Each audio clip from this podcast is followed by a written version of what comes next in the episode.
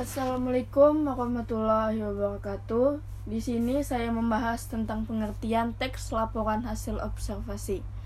Teks laporan hasil observasi adalah teks yang berisi penjabaran umum atau melaporkan sesuatu berupa hasil dari pengamatan. Teks laporan observasi juga disebut teks klasifikasi karena memuat klasifikasi mengenai jenis-jenis sesuatu berdasarkan kriteria tertentu.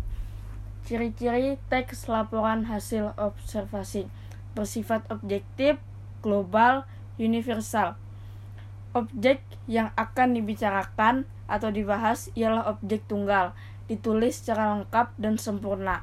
Ditulis berdasarkan fakta dengan pengamatan yang telah dilakukan.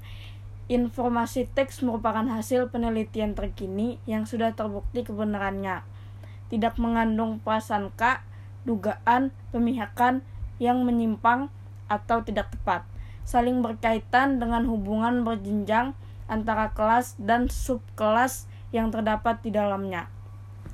Struktur teks laporan hasil observasi terdapat dua versi mengenai struktur.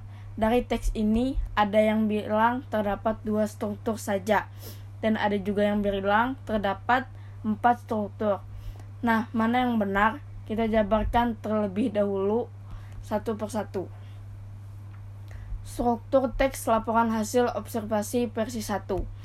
Terdapat dua struktur utama, yaitu pernyataan umum, klasifikasi, anggota atau aspek yang dilaporkan. Struktur teks laporan hasil observasi versi 2 terdapat empat struktur utama yaitu definisi umum, definisi bagian, definisi manfaat, dan penutup. Ciri kebahasaan teks laporan hasil observasi penggunaan verba. Verba adalah kata-kata yang menyatakan suatu tindakan dan sering juga disebut kata kerja.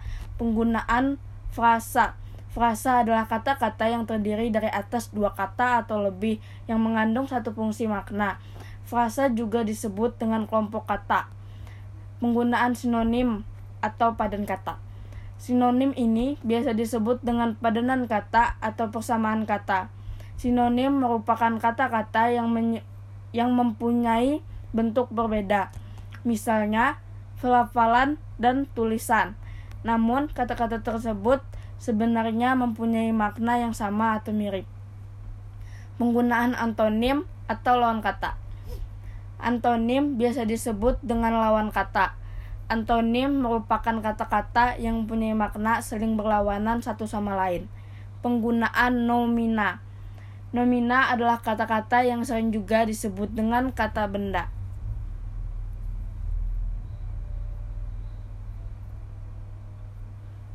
Penggunaan konjungsi atau kata hubung seperti dan atau tetapi ketika dan lain-lain. Menggunakan kalimat kompleks. Kalimat kompleks adalah kalimat yang memiliki lebih dari satu struktur kalimat. Contoh teks laporan hasil observasi. Sistem peredaran darah manusia. Peredaran darah manusia terdiri atas darah pembuluh, darah, dan jantung. Darah adalah cairan merah yang kental. Terdapat sekitar 3,5 liter darah pada rata-rata tubuh manusia dan dapat digolongkan menjadi golongan A, B, O, AB. Terdapat tiga jenis pembuluh darah, yaitu arteri, vena, dan kapiler. Pembuluh darah Arteri adalah pembuluh darah yang lebar. Pembuluh darah jenis ini menyalurkan darah ke bagian tubuh. Darah pada pembuluh arteri berwarna merah cerah dan mengandung oksigen. Pembuluh darah pena adalah pembuluh darah yang sempit.